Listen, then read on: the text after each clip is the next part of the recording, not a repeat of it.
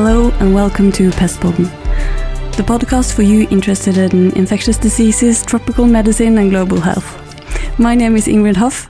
And my name is Jørgen Østensjø. And we are both infectious disease doctors practicing in Norway. So, this podcast is originally a podcast in Norwegian, but today, as we are speaking about a very global international problem, and as our interviewed expert today also is a native English speaker, we have decided to make this episode in English. A bonus episode for international listeners. For our international listeners, yeah. if you are out there, we don't know. but we are talking about AMR. Or antimicrobial resistance. Antimicrobial resistance or AMR. That makes me feel uh, hope hopeless, uh, scared, and it's the prospects of 10 million people dying due to AMR by the year 2050 that's that's very gloomy. So that's why we have to interview someone actually doing research on this subject. Uh, and Adam Roberts is one of those people. He is an experienced reader researcher and academic at Liverpool School of Tropical Medicine He's also, he's also the leader of the Transposon Registry, and he is coordinating NEAR AMR, which is a network for European and African antibiotic resistance researchers. Welcome, uh, Adam Roberts, and thank you so much for speaking with Pestpodden today. Hello, it's uh, very happy to be here. Could you tell us how, how did AMR become your field of interest and research? Uh, that's a good question. So, so when I started my PhD, I was really interested in small mobile pieces of DNA called transposons. And most of the transposons I worked on during my PhD contained at least one antibiotic resistance gene. So after sort of three or four years of working on these pieces of mobile DNA, I kind of became very interested in AMR as a problem as well and how the mobility of AMR genes within bacterial genomes and between bacteria themselves really affects their transmission and spread. So it was kind of a result of working on something slightly different, the molecular genetics of mobile DNA, which pulled me into AMR. And then seeing the, the likely consequences of AMR globally um, really kind of hooked me as something I wanted to work more in. I saw a lecture with Adam Roberts online where he was speaking about AMR and how the deaths attributable to AMR is going to exceed that of cancer and be about 10 million people uh, yearly by the year 2050. Is that realistic? Is it just gloom and doom? That's a good question. So it is quite doom and gloom. Um, and those original figures of uh, 10 million deaths per year by 2050 attributable to AMR came out of the AMR review, which was a review which finished in 2016, led by Lord Jim O'Neill uh, and commissioned by the UK government when David Cameron was uh, Prime Minister.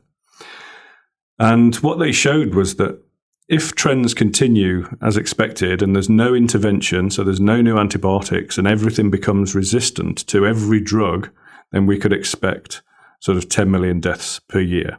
Now that seems quite fantastical, really. That's that's in the realms of science fiction. But last year, a really landmark paper was published in the Lancet, and they showed that in 2019 alone, there were almost 5 million deaths associated with AMR. So that's quite a massive number already. We're half, halfway to 2050. Exactly. And we don't know what's around the corner. So when I think about that figure now of 10 million deaths per year, I don't find it at all surprising. Um, I think it's well within the realms of possibility. And it just shows the urgent nature of the problem that we're trying to tackle. And it's probably going to be worse if we don't do anything. Yes, undoubtedly. We continue to cover the world in a thin film of antibiotics so we're providing the exact selection pressure needed for selecting bacteria that become resistant mm. globally, really. Mm. So it is, in fact, even darker than I could imagine. 10 million deaths by the year of 2050 could, in fact, be an underestimate. We need positive news very quick.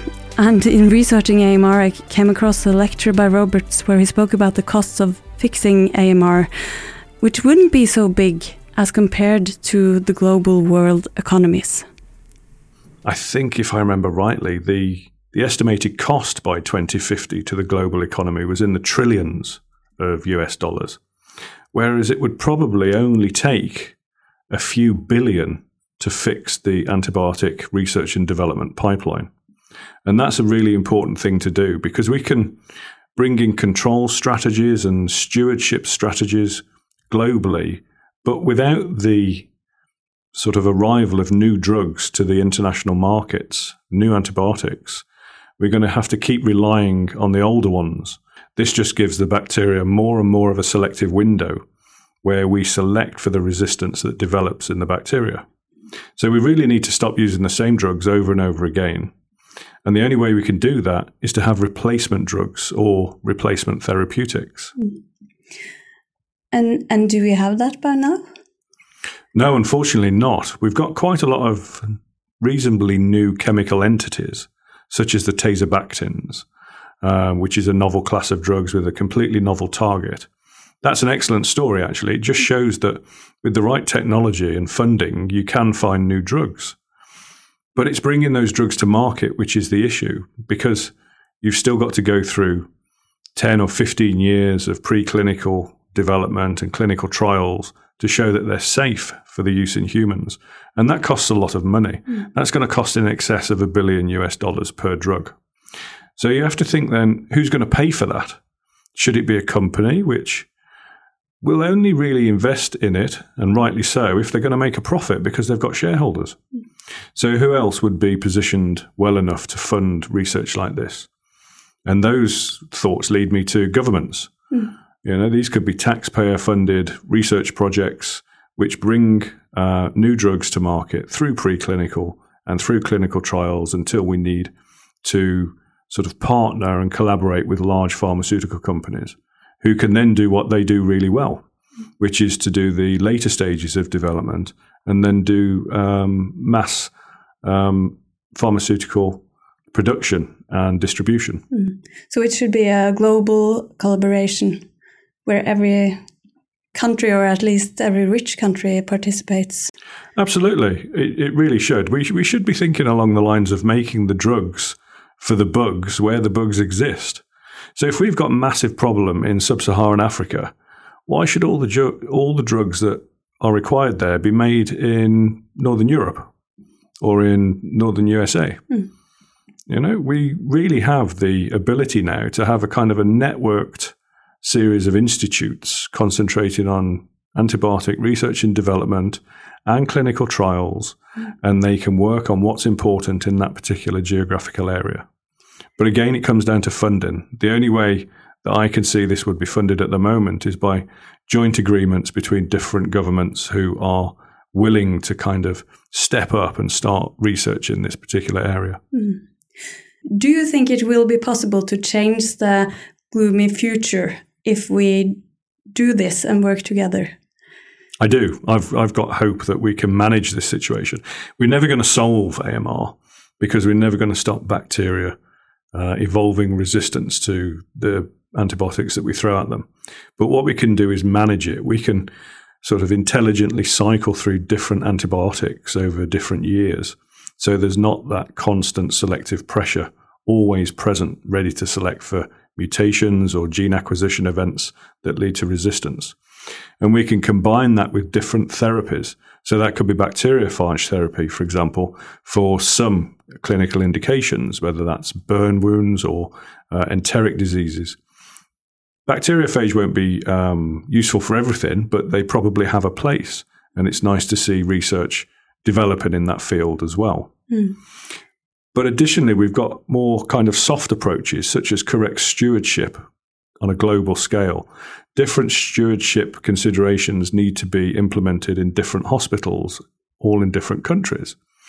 So, if we can ensure that that's happening at the same time that the antibiotic research and development pipeline is reinvigorated, plus the suitable research going into alternative therapies, then I think we may have a chance to avoid reaching these vast numbers of deaths attributable to AMR. Hmm.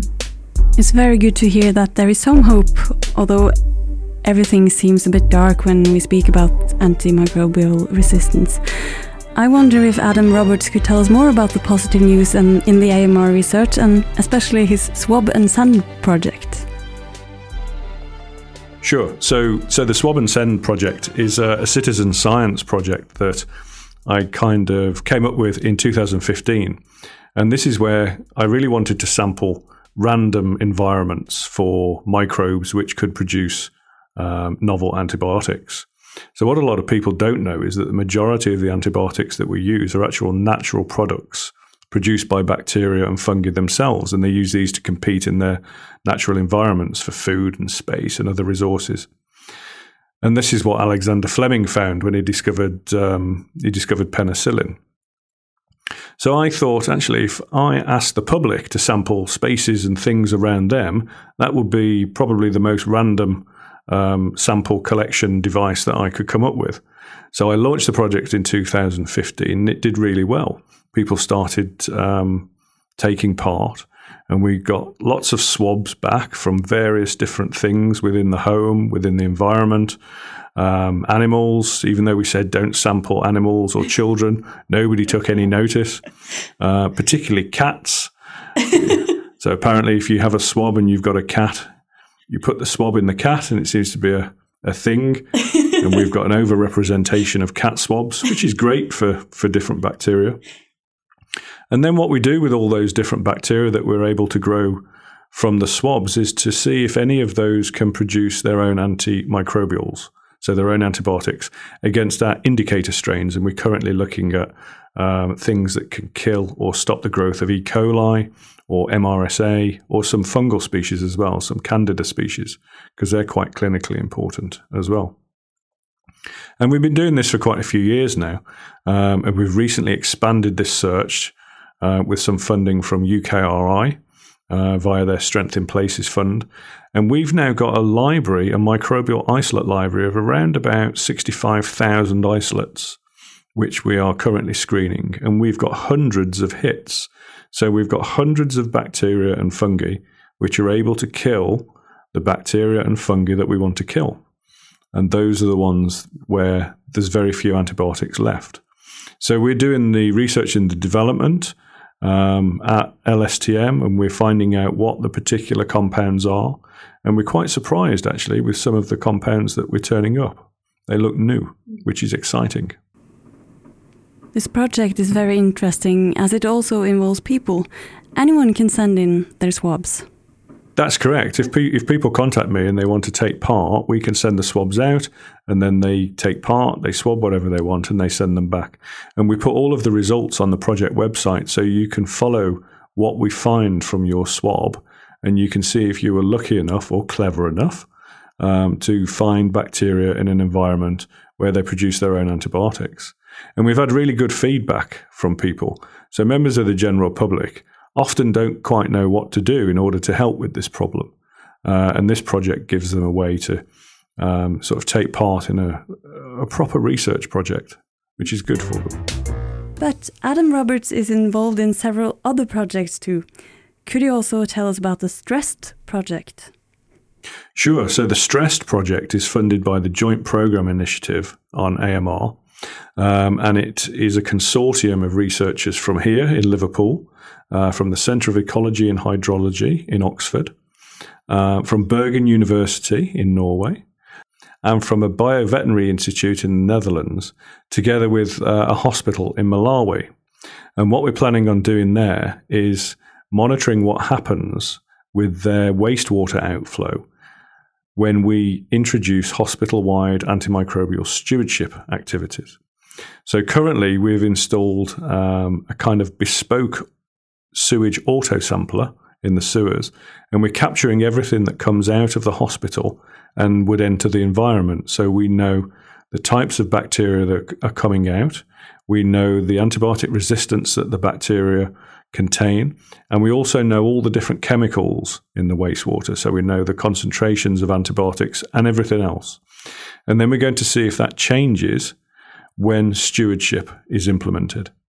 And the hope is that if we do implement stewardship, we will see a reduction in the amount of antibiotics coming out of the sewage.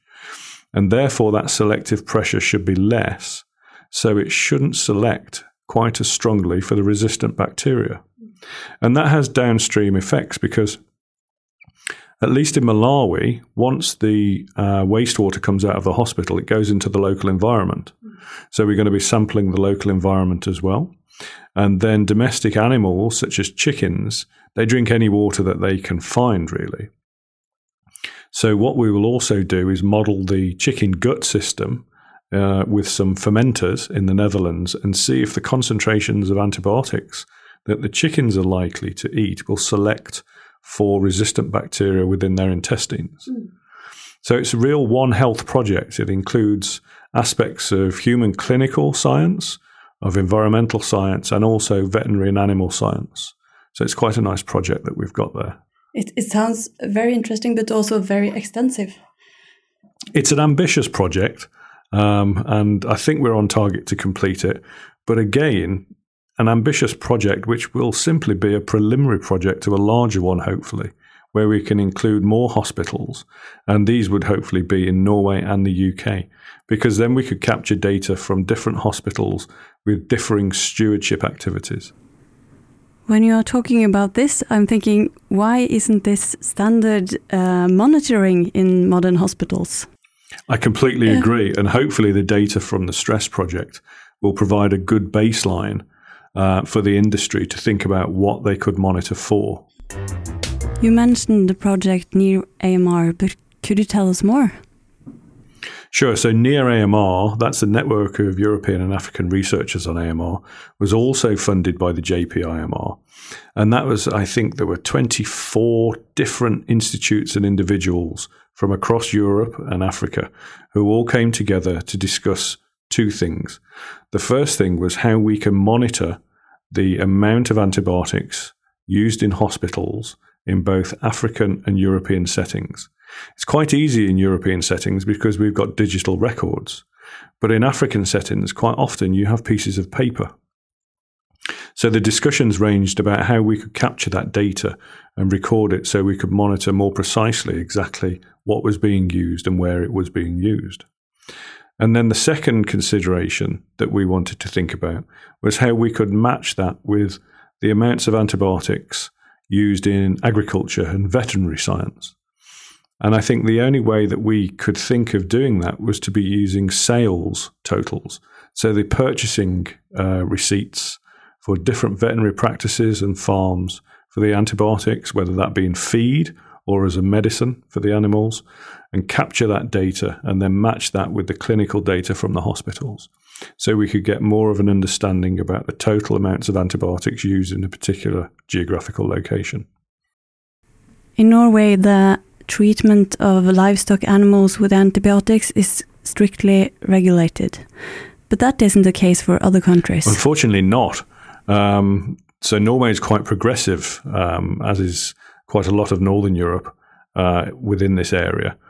But in some parts of Africa, for example, there really is no law or no rules against acquisition of antibiotics for veterinary medicine. So you could have people with small herds and they could use antibiotics that they can obtain from um, vendors rather than veterinarians. Or I've also heard of instances where people have been using the antibiotics that they've got for animals because they're actually a little bit cheaper. So it's quite a porous system.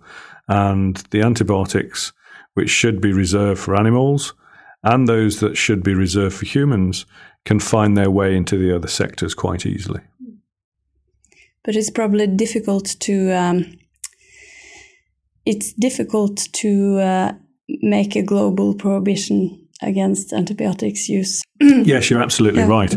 Yeah, some some farmers rely on antibiotics. If you've got a sick animal, you need to treat that animal. So therefore, you have to have a supply route for your antibiotics, and the cheaper supply routes will often win.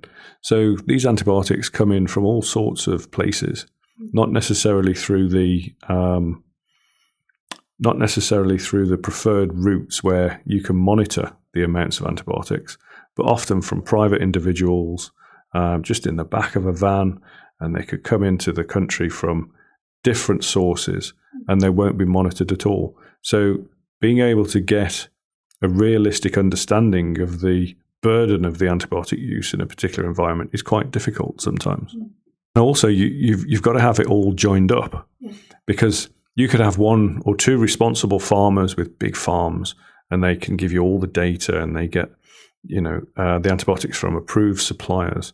But then you only need four or five smaller farms where actually they can't afford to get the antibiotics from that particular vendor. So they go elsewhere. And they they may not sort of contribute to a voluntary monitoring system. So it's really difficult especially when resources are very low. If i was a farmer i would have chosen the easiest and simplest solution so, and, yeah. uh, and I have sympathy with that as well. You know, at the end of the day, people who rear animals have got bills to pay and families to feed. Mm.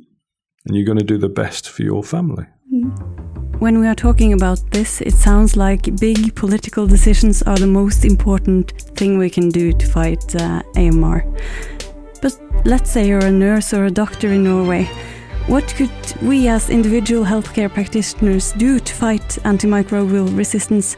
Should we become a politician ourselves? Should we advise our patients not to travel abroad and be colonized with resistant bacteria? Or should we just keep calm and carry on and follow national prescription guidelines and prescribe antibiotics in a sober way? So I'm going to err on the third one there. I think you, sh- you should carry on. I don't think there's any benefit in advising people not to travel internationally. Um, people will always want to travel and they'll always find a way. But I think what you can do, in addition to using the antibiotics as directed and teaching people how to take their antibiotics as directed, is to be involved in education.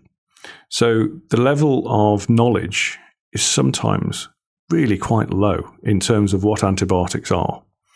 In some countries, there's no actual word for antibiotic. They're just classed as a medicine or a drug, and they get confused with other drugs for other syndromes and clinical manifestations. So I think what people can do who are in the healthcare sector is to keep talking to patients about how important they are. And quite often, what I found is that talking to patients about other things that rely on antibiotics. So, for example, childbirth, chemotherapy. If we have no antibiotics, those are going to be more risky. People tend to take more of an interest because those kind of fundamental things that many of us will see um, or experience, unfortunately, through our lives are slightly more serious than the odd cut. You know, the odd scrape which might be infected and you put a bit of antibiotic gel on it. So, showing the importance in different contexts within different fields of medicine, I think, um, has got potential to educate people. And I think when people are educated about how important antibiotics are, they tend to take better care of them. So, what we do in Norway actually matters. Absolutely. So, yes, bacteria know no boundaries like we do. They don't. They don't subscribe to uh, arbitrary borders around countries and everything that every country does will be felt globally on some level. Mm. So it's important, really, that there's a concerted action, and this is why it's so important that most countries in the world now have a national action plan or a NAP, because they're all kind of strategically aligned to deal with the international aspect of AMR. Mm. As, a, as a global level, each country should have their own their own national action plan. Mm. And the UN have um, also come up with a global action plan. So the national action plans should align to that. At an individual level, I think there's quite a lot of local and bespoke um, groups or communities that you can actually sign up for, saying you are going to be an antibiotic guardian, mm. etc. And it just gives a little bit of credence to the fact that actually you are going to take care of these wonder drugs because they've really changed medicine. And if we don't look after them, we are likely to revert to a, a time where things will kill us a lot more easy.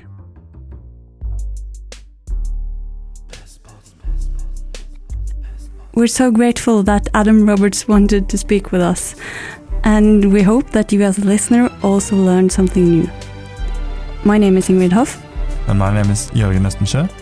And you have listened to an episode of Pestpodden, a podcast from Helsebergen.